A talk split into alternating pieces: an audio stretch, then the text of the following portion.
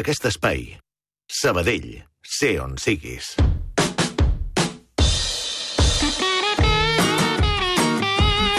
Entre paraules, la paraula hauria de ser absolució.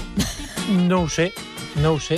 De totes maneres... Home, la protagonista d'aquesta hora ara serà aquesta paraula. Hi ha, ja un, dic. hi ha un parell d'alumnes teves aquí a l'estudi Sí, i fa un, moment, certament. fa un moment els comentava com m'agrada la ràdio perquè és un mitjà calent i immediat.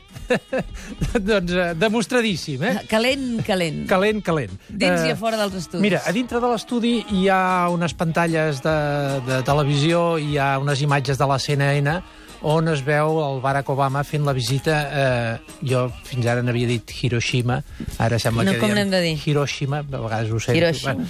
però això coincideix amb la votació que fan demà a Tortosa sobre el monument franquista i la paraula memòria històrica, l'expressió memòria històrica, està present en aquesta taula contínuament arran d'aquests dos fets i arran de moltíssims altres. eh?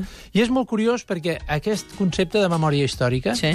eh, realment fa quatre dies que no el coneixia ningú, no el feia servir ningú. S'havia parlat, això sí, de memòria col·lectiva.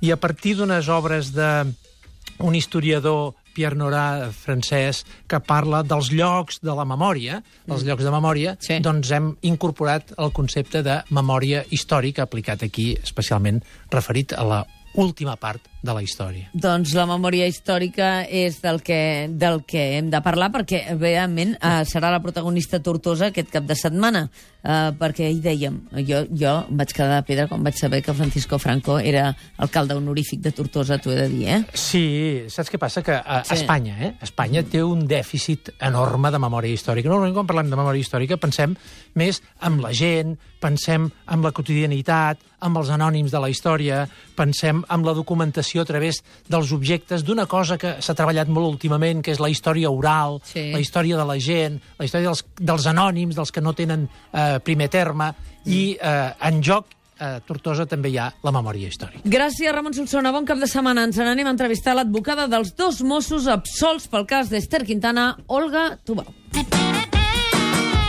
Banc Sabadell t'ha ofert aquest espai. Sabadell, sé on siguis.